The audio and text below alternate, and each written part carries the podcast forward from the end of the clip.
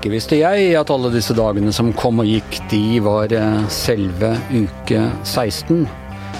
Og her sitter vi, Thomas, for du hjemme og jeg i studio, og ingen av oss er vaksinert ennå. Ingen av oss er vaksinert, eh, Anders. Eh, Jeg regner vel med, uten å være uhøflig, at du kommer før meg.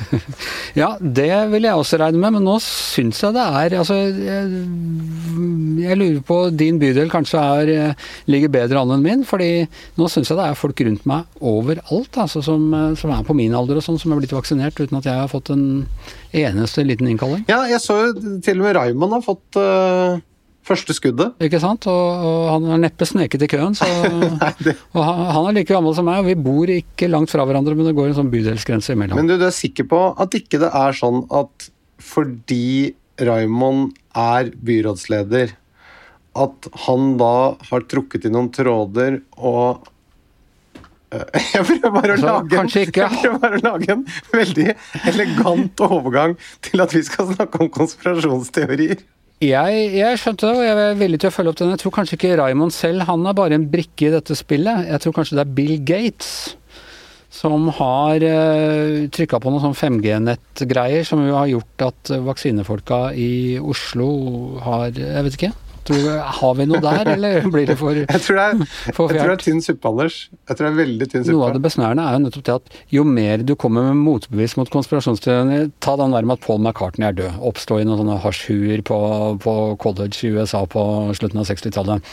Paul McCartney i The Beatles skulle egentlig vært død og blitt erstattet av en dobbeltgjenger. Eh, men samtidig som de hadde gått til alt dette arbeidet med å da erstatte han, så la de hemmelige spor ut i platene sine som fortalte at han var død når du spilte ting baklengs og, eh, og sånne ting. Og jo mer Paul McCartney sto fram og sa at jeg er ikke død, og visste at han ikke var død, jo mer fant de sånne spor i de intervjuene. At han liksom dobbeltkommuniserte. Og det er, det er noe av fascinasjonen ved det. At det er liksom Det går ikke an å motvise en konspirasjonsteori. Men, men er du helt sikker på at Paul McCartney Men er poenget er vel egentlig at konspirasjonsteorier var morsommere før. Nå er, det, nå er det blitt litt mer alvor. Jeg må si jeg har sett en del folk som tenker jøss, driver du og legger ut ting på nettet her nå som flørter litt med folk i et sånt eh, konspirasjonsmiljø, eller hva, hva, hva er det som foregår her nå, liksom? Jeg tror kanskje at uh, altså det, i, i denne pandemisituasjonen vi er i, så er det med kos og klems og likes på nett, det er blitt en egen valuta.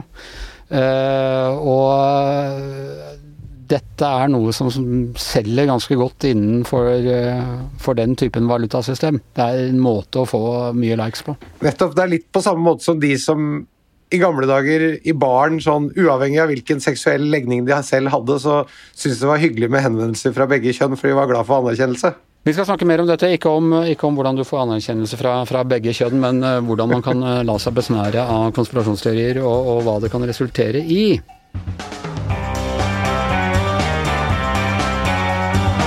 Jon Færseth, journalist og forfatter, velkommen hit. Takk. Eh, Du har jobbet med konspirasjonsteorier i, i mange år, eh, og denne våren så har eh, temaet nærmest eksplodert pga. covid-19. Og det skal vi snakke mer om etter hvert, men først bare spørre hva er en konspirasjonsteori? Konspirasjonsteori det er jo eh, rett og slett en måte å forklare verden på, der man forklarer hvorfor det som skjer, skjer, eh, hvorfor ting er som det er, ved hjelp av at det er en skjult sammensvergelse, rett og slett. At det er noen som har lagt en hemmelig plan i bakgrunnen, og som egentlig drar i trådene. Hva, hva skiller en konspirasjonsteori fra, fra legitim eh, maktkritikk? Altså? Du har påstand om kartellvirksomhet i bokbransjen, at de opererer både liksom De produserer bøkene, de kontrollerer bokhandelen og, og sånne ting. Det er jo en konspirasjon, det òg, da.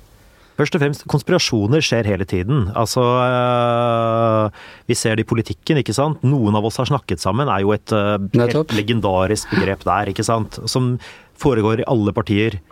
Vi øh, vet jo også at, altså at er du i politikken, så handler det om å så handler det om å slippe ting på rett tidspunkt, ikke sant. Alle mulige, man bruker kanskje kontakter man har i media, alt mulig sånn som dette. Bygge allianser og Alt dette her. Så konspirasjoner skjer hele tiden, og det er jo mange eksempler også på ikke sant, regjeringer som har blitt avsatt ved kupp, som har vært planlagt i samarbeid med fremmede makter og sånt. noe, Så, det, så konspirasjoner foregår hele tiden. eh, Og en konspirasjon kan f.eks. være hvis du skal ha et eh, Ja, du skal ha overraskelsesfest for en venn. Så driver det veldig mange og prater sammen på forhånd, og sammensverger dere og, og står bak dette her. Og går til og med til ganske gode tiltak for at denne vennen ikke skal finne ut hva dere holder på med. Så dette er også en konspirasjon, i dette tilfellet en, en positiv sådan. Så igjen, sammensvergelser, konspirasjoner foregår hele tiden. Men problemet blir jo selvfølgelig når man øh, begynner å hevde at det liksom er øh, skjulte aktører bak kulissene, samarbeid som man ikke har noe grunnlag for å tro eksisterer. Alt dette her, Da er det en konspirasjonsteori. Men øh, de som, øh, de som øh, hva skal jeg si for noe, lener seg til en del av disse konspirasjonsteoriene, de mener ikke at det ikke er noe grunnlag for å, for Men de ser jo tegn overalt. Vi er laget fra naturens side for å se etter tegn, ikke sant? Eh, om vi får å spå om været er én ting, ikke sant? Eh, For å være klar over ting som kan bety fare. Eh, Alle mulige sånne ting som dette. Og det er, ikke sant? Vi er jo fortsatt avanserte dyr, så dette er med oss fortsatt. Ja, og som du nevnte med, altså hvis noen planlegger overraskelsesfest for deg, det skulle være overraskelsesfest for deg da du ble 40, eh, Thomas, og da gikk du jo hele festen og tenkte på nå skjønner jeg hvorfor ditt, og nå skjønner jeg hvorfor datt og sånn, ikke sant? det er helt riktig. Men det, det som var også veldig rart da, var at jeg, jeg visste jo Jeg fikk jo da beskjed, for jeg hadde fått beskjed om at, vi, at jeg skulle på en, eh, en lunsj på eh, Nei, på en middag på Litteraturhuset. Og så skulle vi der få møte en psykiater som jeg var veldig nysgjerrig på og veldig interessert i. Og, jeg kjente ikke han, men vi hadde noen venner som hadde ordnet, så vi kunne ha et møte med han og spørre om alt vi lurte på. Og jeg gleda meg skikkelig. Og det som var så rart, var at på den festen så gikk jeg hele tiden og lurte på men hva gjør vi med han, han Svein Torgersen? Han sitter her nede på litteratur... Altså, hjernen min klarte ikke å kvitte seg med, med, den, øh, med den oppfatningen. Og, og det er vel noe av det her at man, man, man blir ganske hva skal vi si for noe eh, gift med sine egne mentale oppfatninger, selv om de er bare Selv om, de ikke, selv om man får beskjed om at det er ikke noe grunnlag for det. Ja, det er ikke så lett å vaske det ut av systemet, en konspirasjonsteori. Nei, eh, nå er det jo slik at eh, mange mennesker har kommet på andre tanker når de f.eks. oppdager et eller annet som beviselig strider mot det de vet er riktig. F.eks. noe i deres fagfelt eller noe sånt. Nå. Så det er jo ikke sånn at vi, vi er fordømt til å havne i den verdenen eh, for godt.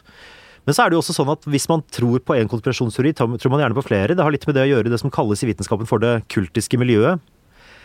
Det er liksom det miljøet av alle mulige ideer og tanker og forestillinger som strider mot, ja, som strider mot mainstream på forskjellige måter.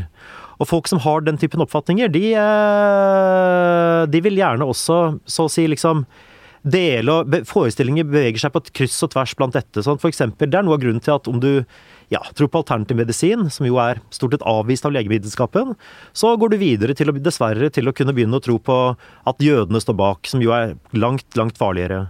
Og vice versa, for vi ser til faktisk det at uh, nynazister, som f.eks. den nordiske motstandsbevegelsen, har jo et overraskende konspiratorisk verdensbilde som uh, ikke bare handler om jødemakt og sånn, men som også handler om f.eks. Ja, nei, man er skeptiske til uh, vaksiner, man er skeptiske Man er liksom tilhenger av sannheten om 11. september, ikke sant? Man driver til og med å spekulere på nettsidene deres om fergeulykker og sånt noe. Og det har jo da ført til at de nå faktisk har også hengt seg på den anti-covid-konspirasjonsteoriene og er, har vært med å demonstrere foran Stortinget, f.eks. I hvert fall noen av dem. Vi, vi må komme litt tilbake til det der, men, men du, eh, hva er de mest kjente eh, internasjonale, sånn historisk sett, konspirasjonsteoriene? Den helt klart mest kjente internasjonale er jo den om, eh, er jo den om jødemakt. Eh, Sions vise protokoller ikke sant, som kom ut på eh, rundt 1900. Antagelig blitt til i miljøene litt sånn i skjæringspunktet mellom den ortodokse kirken og tsarens politi. Og som eh, Ja, en ting var at det førte jo til pogromer i eh, Russland i sin samtid. Det var liksom jødenes plan avslørt. Ja, men eh, Ja, helt riktig. For den hevdet liksom å være referater på et møte av jødiske ledere hvor de planla å ta kontroll over media, politikk, banker, finans og bruke alt dette til å lage kriger og revolusjoner og selv ta makten til slutt. Den var jo med å inspirere det nazistiske folkemordet, så den fikk jo dessverre en eh, stor betydning på den måten. Og på mange måter så kan du si at Sions vise protokoller nesten er en slags blueprint hm, Nå bør jeg finne et norsk ord for dette En blåkopi. en, blå, eller en slags blåkopi for samtlige, nesten for veldig mye av den konspirasjonsverdenen du finner i dag. Bortsett fra at man snakker ikke nødvendigvis om jøder, men man snakker om at det er krefter som eh, kontrollerer finans, media, politikk, alt sammen. Og vil ja, lage kriger og revolusjoner for å øke sin egen makt. Den går igjen veldig mange steder. Og i mange tilfeller så leder jo dessverre derfor konspirasjonstro tilbake til antisemittisme av samme grunn. Ja, så det, det, Det er er, ofte et element, eh, en- enten direkte eller indirekte, mellom konspirasjonsteorier og antisemittisme? Ja, det vil jeg si at det er. Så har du selvfølgelig andre internasjonalt kjente ting som 11. september, som ser ut til å ikke gå av moten. Altså at det var amerikanske myndigheter selv som står bak. Ditto med Kennedy-drapet. Uh, Kennedy-drapet er min gamle favoritt. Det var den første, jeg- første jeg husker. Men der er ikke jødene involvert? Eller? Nei, jeg har aldri hørt den. Jeg så på VG nett nå at det er også en om at eh, dronning Elisabeth er en utenomjordisk øgle. Har du hørt den? Ja, jeg har hørt den. Eh, altså, Sånn som dette her, det kan man jo si, dette kan man liksom more seg litt over. Og eh, det er vel kanskje ikke akkurat det største problemet at folk tror at dronning Elisabeth er en utenbjordisk øgle. Det som er mer problematisk, er jo at David Ike, han som fremmet den teorien først, han har vært, blitt en ideolog for de som eh, saboterer 5G-master i eh, Storbritannia. Og eh, til dels også har gått til angrep på montører. Og du kan si at da blir, ikke dette her, da blir dette plutselig mye, mye mindre morsomt enn en raring som sitter og tror på romøgler. Det skjønner jeg. Har du inntrykk av at det er noen politiske retninger eller religiøse retninger som er mer mottakelige for eh, konspirasjonsteorier enn andre? Jeg tror det kan variere, men jeg har en følelse, i hvert fall for tiden, så finner du det nok mer til høyre enn til venstre. Da mener jeg selvfølgelig ikke sånn som partiet Høyre, men blant f.eks. en del av de høyrepopulistiske bevegelsene rundt i Europa. Eh, Donald Trump, ikke sant? Hvor man eh, har en konspirasjonsteori, som, konspirasjonskultur som i veldig stor grad er en reaksjon på, vil jeg si, på globaliseringen. Man eh, snakker om at eh, det er eh, Um, um, liksom rike og mektige folk, spesielt George Soros, som både uh, vil ha masseinnvandring ikke sant, for å ødelegge nasjonalstatene, som uh, vil rive ned tradisjonelle kulturer, uh, ikke sant. Vi skal avkristnes, vi skal få mer, hva skal vi si, moderne syn på homofili, eksempel. At dette, og dette er liksom Kulturen vår skal fjernes og Kulturen vår skal fjernes, ja. Alt dette her blir da på en måte Dette er liksom ikke, dette er ikke bare, bare vanlig kulturkrigssnakk. Det er snakk om at man ser dette som en stor sammensvergelse i regi av Soros andre. Man snakker om kulturmarxister ikke sant, på universitetene. Og det er nok helt åpenbart noe som er mest utbredt til høyre. Men så har du jo selvfølgelig også eh, til venstre kanskje kan få en element av litt sånn refleksiv antiimperialisme, der man eh, mener at alt som er gærent er USAs, kanskje Israels skyld, og som da leder en til eh, å kjøpe andre ting, f.eks. til og med Soros konspirasjonsteorier, eh, eller, eller til og med begynne å snakke om jødemakt under dekke av at det er eh, Israel-kritikk. For det er en god del på ytre venstresida som også er mot Soros og, og snakker om Rothschild-banken og alt, eh, alt dette. Det er noen, ja. Eh, Jeg, tror, jeg vil si at det ikke er et så stort, absolutt ikke et så stort problem som til Høyre. Men, og Rothschild-banken er det kanskje ikke så veldig mye av. Men ja, det forekommer. Og det som dessverre forekommer også, er det at det tolereres av andre. Fordi andre tror refleksivt at de snakker, ja, det er vel bare Israel-kritikk, eller det er vel bare kritikk av USA-imperialisme. Det er ikke så farlig. Men så er det egentlig ekstremt drøye ting disse folkene her lirer av seg. Men men det er vel også en sånn overdreven tro på hva som faktisk er mulig å organisere av nettverk og gjennomføre. Så det må jo eh, forutsette at du ikke har så mye erfaring eller innsikt i hva som er mulig å få til, da. Ja, et øh, eksempel jeg pleier å bruke, da er vi litt over i det mer sånn øh, Da er vi litt over i andre ting her, men det er jo dette her med For noen år siden så var det en demonstrasjon utenfor Stortinget mot chemtrails. Eh, Chemtrails, hva er det for noe? Det er disse hvite stripene på himmelen som øh, vi andre tror er øh, kondens fra flymotorer, men Ja. som egentlig er da giftige stoffer de, flytter ut, de slipper ut. For Da å var- skade oss? For å skade oss, ja. Eller eventuelt fordi for å mm, påvirke klimaet er en veldig populær greie. At det er egentlig det som klimaendringene skyldes. Den finner du en del av. Men uansett, disse her sto da og demonstrerte mot chemtrails. Ok. Det interessante her, Vi kan ta dette som et eksempel. Hvis, vi, hvis det nå skulle være sant om chemtrails, hvorfor er det ingen øh, kabinpersonell? Hvorfor er det ingen bakkepersonell på flyplassen? Folk i Luftfartsverket, flyselskapene, øh, flyverter, flyvertinner. Hvorfor er det ingen av de som liksom har noen gang har sagt at det er noe rart med de tankene de hele tiden fester på flyet? Øh, og på en måte går ut og varsler om dette her i media, f.eks. Hvorfor skriver ikke media om dette? Alle, så, da må vi lure er Ja, fordi alle vi er med i konspirasjonen. Helt riktig. Det er det som ligger under her, vil jo jeg si. Det er det at de er med i konspirasjonen. I hvert fall media. Antagelig også flyselskaper, bakkepersonell, Luftfartsverket, alle mulige andre. Hvorfor tar ikke politikere det opp i Stortinget? Er de også med på det? Og det krever forferdelig mange folk. Og, det som, og igjen, det, og det er ingen av disse som liksom noen gang går ut og slipper kortene og sier at 'dette her har jeg sett'.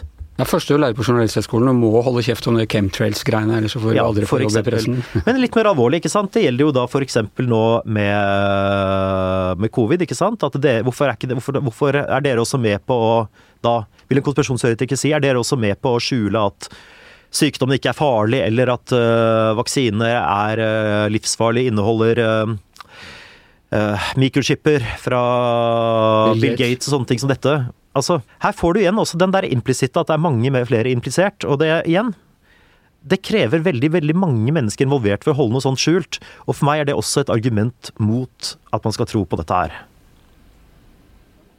Ja, Du har altså skrevet boken eh, 'Russland fyrtårnet i øst', og, og hvor du skriver at Russland er blitt et fyrtårn for flere miljøer som er motstandere av dagens verdensorden.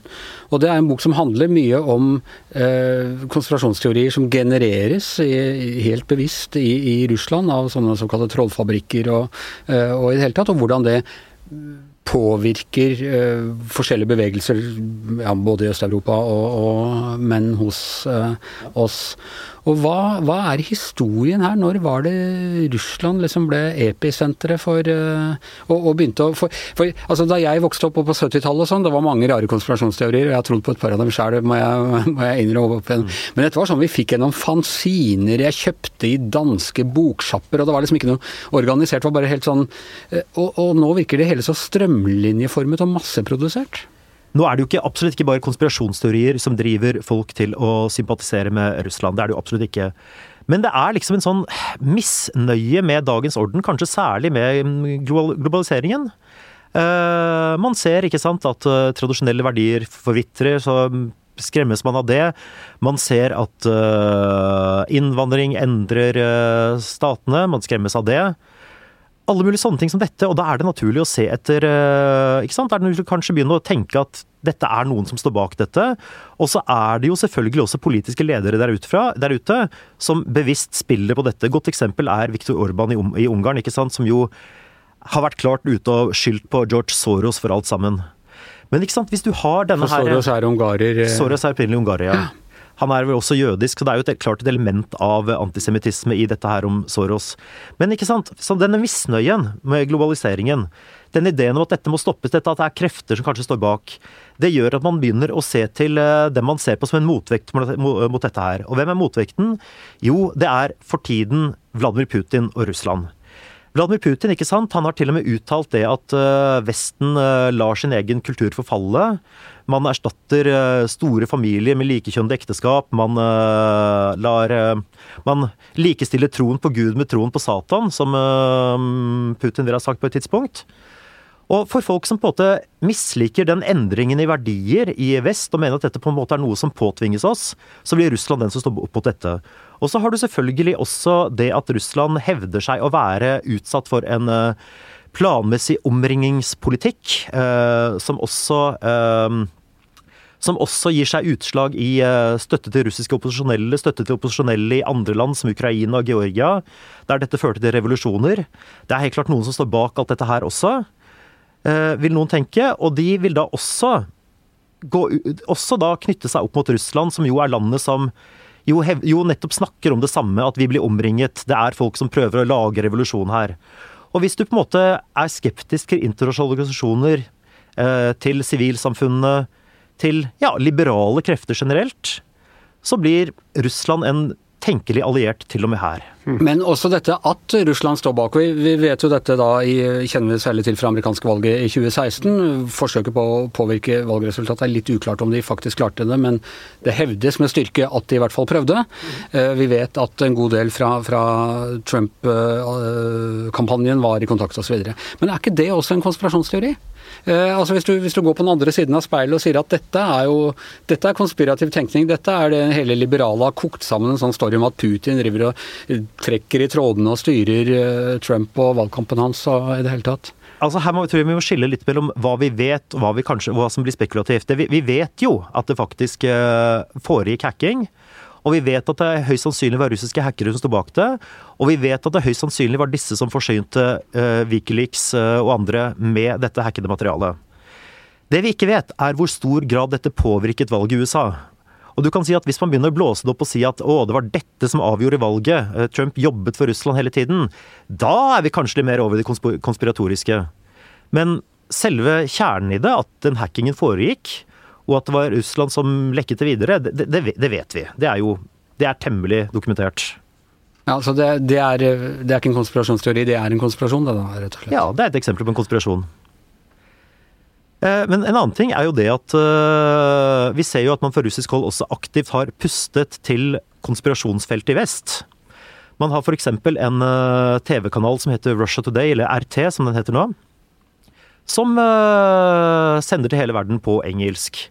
Og den er ikke minst populær blant uh, folk i USA som tilhører den litt sånn konspiratoriske høyresiden. Og uh, der er det jo veldig, veldig mye uh, som har blitt hevdet de seinere årene. Én ting er jo det at man har selvfølgelig gjort det man kunne for å mistenkeliggjøre vestlige vaksiner, fordi det er jo Sputnik som er tingen. Man har kanskje prøvd å puste litt til de som er ute og demonstrerer mot, mot, mot lockdown.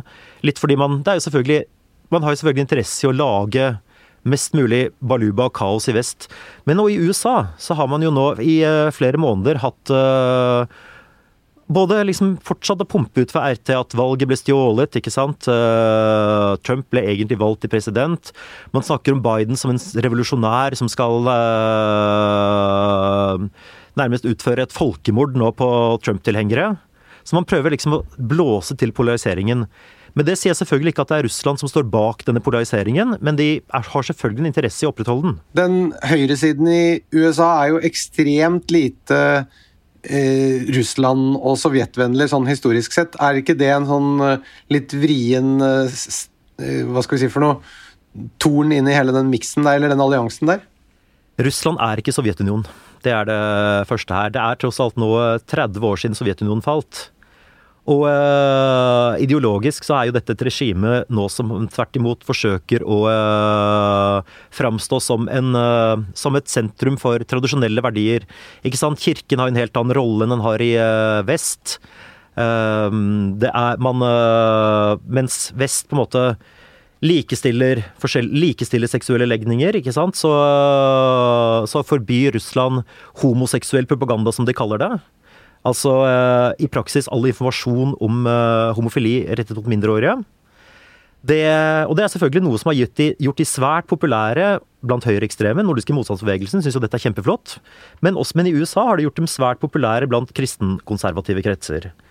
Vi, så, så, og det var antagelig også en del av det som uh, kun, brakte en del, hva skal vi si, brakte en del folk nær Trump uh, nærmere Russland, det var det at man knyttet kontakter via kristne nettverk, der Russland var et flott land fordi man uh, sto for det tradisjonelle, rett og slett. Så, det, så, den historiske oppfatningen av alt som foregår i det territoriet, for å bruke det begrepet, da, det er ikke så problematisk for dem? Nei, for det er ikke Sovjetunionen lenger. Det er ikke lenger et kommunistisk land. Det, er, det har du ikke vært på 30 år. Nei, men jeg, trodde, men jeg trodde likevel at oppfatningen av at det var det, var så dypt forankret i eh, i, den, i, de miljøene eller i de kretsene i USA, men, men det, det, er ikke riktig. Det er, altså, det er ikke riktig, i hvert fall ikke blant de mer eh, konservative. Blant de virkelig sånn der, og Pluss at blant den konspiratoriske høyresiden så er, eh, så, så er også dette, Der har man jo også en eh, idé om at USA har blitt så å si blitt kapret av krefter som har brukt det for å fremme sine mål globalt, ikke sant. Man går til kriger, revolusjoner i andre land for å som egentlig ikke har, er i USAs interesse å gjøre. Man har gjerne litt sånn isolasjonistisk tankegang, ikke sant? Selv, America first. America first. Og selv der er det de som, uh, som mener at Russland er et flott land. De skal vi alliere, alliere oss med. Uh, og de er jo et land som kjører sin alenegang, og det burde vi også gjøre. Du, bare Før vi går over til å snakke litt om covid. Uh, er det mange miljøer i Norge som står under påvirkning av denne russiske propagandaoffensiven? Det er ingen prorussiske politiske partier i Norge. Det er det ikke. Eh, men det er enkelte stemmer i Norge som muligens har en viss innfall der. Jeg må dessverre ta en bitte liten detour her i så fall. Eh, det er at eh, rundt starten på krigen i Syria så så man fra russisk hold etter stemmer som kunne komme i RT og presentere et russisk perspektiv på dette her. Ikke minst gjaldt det å diskreditere opposisjonen mot Assad, og spesielt organisasjoner som De hvite hjelmene, som dokumenterte krigsforbrytelser. Og som var en slags eh, en hjelpeorganisasjon. Ja. Eh, de stemmene fant man veldig mye ved å lete i de mest vil jeg sagt, hadde sagt, elleville konspirasjonsmiljøene. Altså folk som tror på ja, chemtrails, eh, som tror på ja, vaksinemotstandere. Altså, og folk som hadde virkelig, også, virkelig ganske Ja. De ble rekruttert, rett og slett. De, fikk, de ble hausa opp av RT, ble gjort, ble gjort til analytikere, journalister og uh, annet. Ble intervjuet og sto fram. Ble intervjuet, de fikk lov til å rapportere, lage reportasjer. Uh, og på den måten så fant man stemmene som var villige til å presentere det budskapet her. Og en del av de stemmene her, som jo som sagt kommer fra det mest ekstreme konspirasjonslandskapet, de har delvis fått en uh, vei inn i den norske offentligheten via et nettsted som heter steigan.no. Og, de, og, og de personene jeg snakker om her, disse skribentene, de er jo uh, absolutt ikke uh, absolutt ikke venstreside, i hvert fall ikke alle. Flere av de er, kommer jo fra den trumpistiske og konspirasjonstroende delen av det amerikanske landskapet. Det er dette man kaller hesteskoteorien, er det ikke det? At dette er i høyeste grad det vi kaller hesteskoteorien. Nå er jo ikke Pål Steigan og skribentene hans her eh, til å, å, gi sin side av saken, så vi kan nesten ikke fortsette å diskutere dem. Eh, så er det altså eh, covid. Eh, Covid-19 har fått konspirasjonsteoriene til å, å, blomstre. Hva er liksom de mest Hva er de rådende konspirasjonsteoriene der? Det er jo varianter av at sykdommen er diktet opp. Øh, eller at den ikke er så farlig som den er. Og så er det da sterke krefter som prøver å, la, å liksom bruke dette her fordi de har interesse i å lage lockdown. ikke sant? Man kobler det opp til forskjellige FN-planer for å rasere verdensøkonomien og bygge opp noe nytt. Og så er det jo den med vaksiner. At vaksiner er, vaksinene er farlige. At at det kanskje til og med er planer om at de skal gjøre oss syke, eller eller inneholder mikrochipper og sånt noe. Og så er det selvfølgelig de som vil si at sykdommen er haussa opp fordi man vil selge en unyttig vaksine. Men det er en annen, er en annen variant igjen. Jeg har hørt en variant som går på noe med at det er et eller annet i munnbindene som blir aktivert når de setter i gang 5G-nettet. Er det den har jeg ikke hørt. Jeg tror ikke den er veldig veldig utbredt. okay. Men det er jo, kan du si, også det som er litt interessant med det, akkurat dette med konspirasjoner og uh, covid, det er jo det at det har gitt et del av konspirasjonsfeltet jeg trodde nest, Altså, jeg har vært veldig lite opptatt av i mange år. Som er dette her rundt nyhetsspeil og lignende ting. Jeg har liksom sett på dette her som så outrert at det ikke vært, det har ikke vært det vi skulle bekymre oss over. Vi skulle bekymre oss over hvordan autoritære regimer spiller på konspirasjonsteorier for å demonisere meningsmotstandere. Men så så vi jo plutselig her at disse, at disse, ideene i Norge fikk en helt annen og mye, mye farligere konsekvens. Fordi det førte til at folk da hadde møter og samlinger uten noe som helst form for smittevern. Så da begynner dette her plutselig å få en helt annen eh, side, som gjør at man må ta det alvorlig på en annen måte enn jeg faktisk hadde trodd selv. Der må jeg nesten ta litt selvkritikk. Men, men du, hva, hva, er forklaringsmodellen i de miljøene på de dødsfallene, vet du det? Eh, I hvert fall ett tilfelle så har man forklart det med at det skyldes 5G-stråling og ikke eh, sykdom. 5G-stråling? Stråling fra 5G-nett, altså mobilnettet. At det er det som For det er jo det man mener ofte det er, Veldig mange mener jo at det er det som gjør folk syke, og ikke sykdommen. Eller ikke viruset, mener jeg. Oh, ja, så, det, så, så, så, forståelsen er at nå har man kommet såpass langt med 5G-nettet at det som nå gjør at folk som har vært i nærkontakt med noen andre, det er egentlig ikke nærkontakten, det er rett og slett at de har vært i nærheten av en mast, da, eller? Eller at strålingen er overalt nå. Og så er det jo til og med de som antyder at det, er, at det brukes som våpen. Jeg lurer vel på om det ble antydet litt om dette, draps, dette dødsfallet på Hadeland også. At man rett og slett ja. var blitt tatt av dage? Med 5G-stråling, ja. For du kjente, du kjente Hans Gaarder? Jeg kjente ham ikke. Jeg hadde møtt ham noen ganger. Han var absolutt ikke en person jeg kjente, og når han døde, så hadde ikke han vært på radaren min i flere år, for å si det sånn. Nei.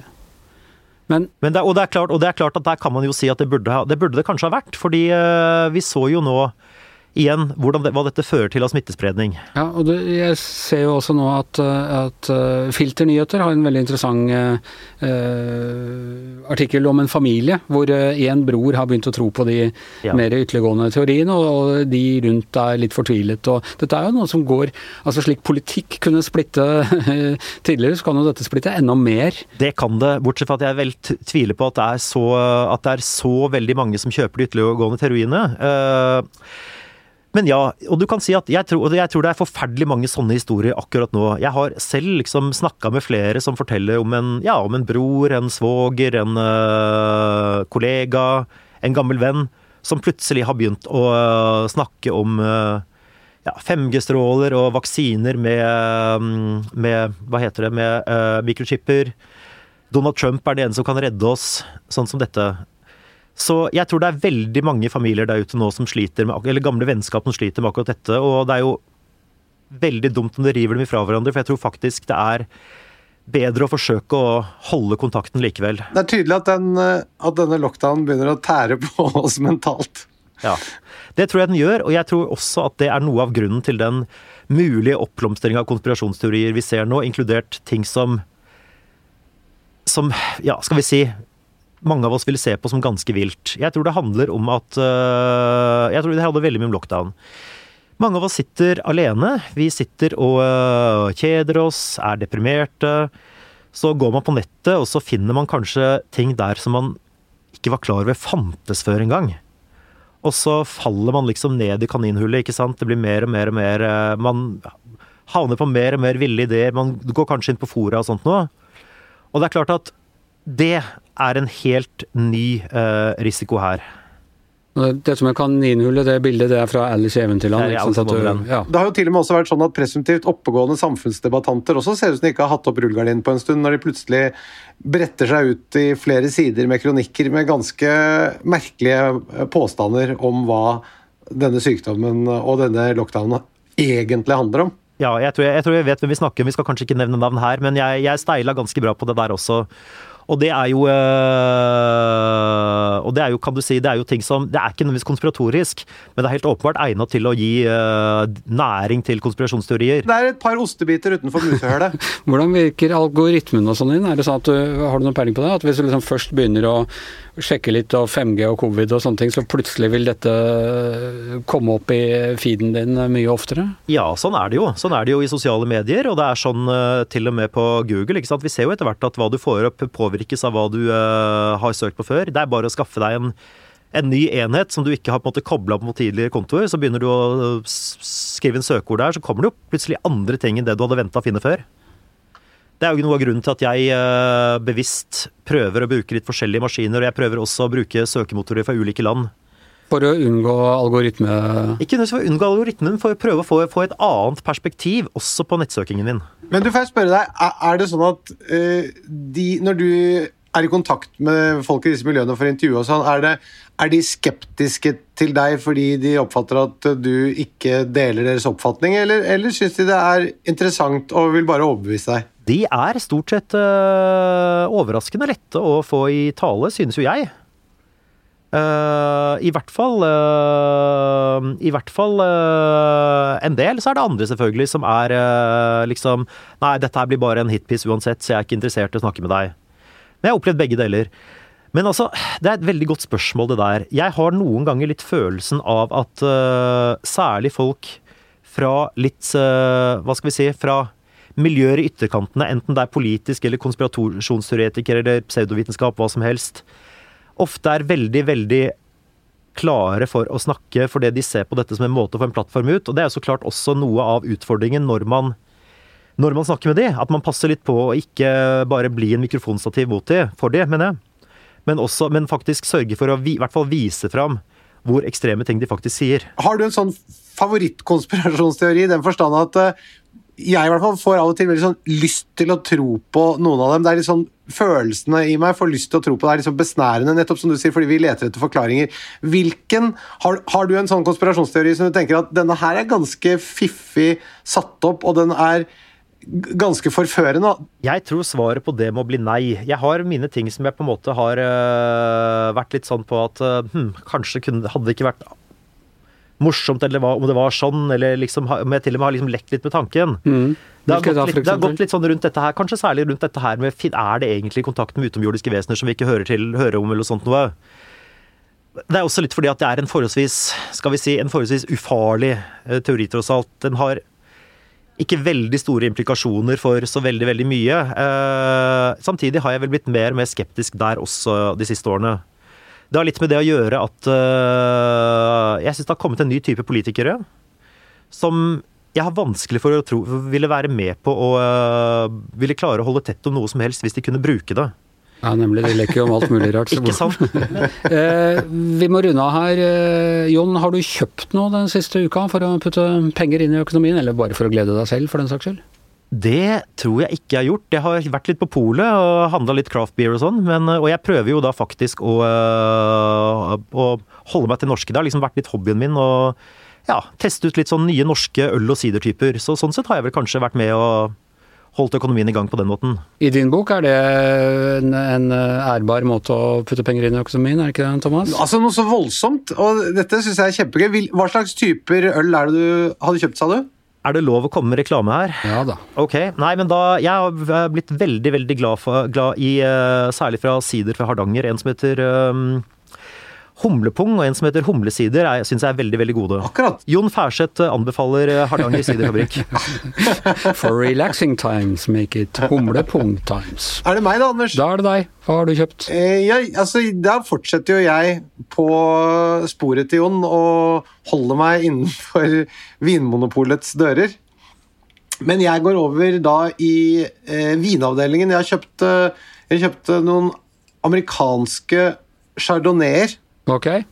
Ja, altså viner laget på chardonnay-druen som er laget i eh, Oregon. Er dette billig?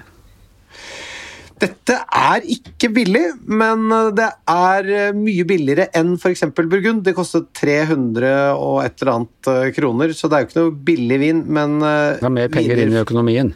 Det er det. Og viner Det skal sies også at den vinstilen i Burgund eh, koster enda mer. Ja. Kan du legge til det at jeg fortsatt betaler medlemskap i uh, treningsstudioet mitt uh, selv etter et halvt år, og det er ikke bare sånn, det er ikke bare forglemmelse, det er fordi jeg faktisk vil at de skal klare seg.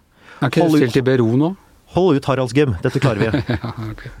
Ok. Anders, hva har du kjøpt, da? Uh, du, jeg har ikke egentlig kjøpt noe. Jeg ble jo hadde så dårlig erfaring med dette klikk og hent forrige uke. Men det jeg må innrømme at jeg har begynt å gjøre, og det gjør jeg alltid i våren på det, disse tider, jeg har jo egentlig mer enn nok mønstrede resortskjorter. Eh, og som det nå heter, utenfor at man ikke skal fornærme noen kulturer.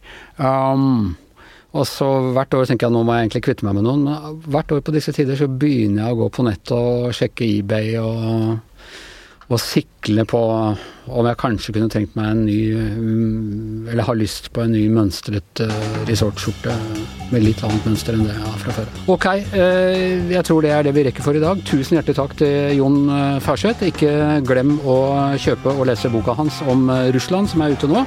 I hjemmestudio Thomas Gjertsen, Jon Færseth her. Jeg heter Anders Giæver, og mannen bak forhenget som trekker i alle tråder og kontrollerer alt som skjer, er vår produsent Magne Antonsen.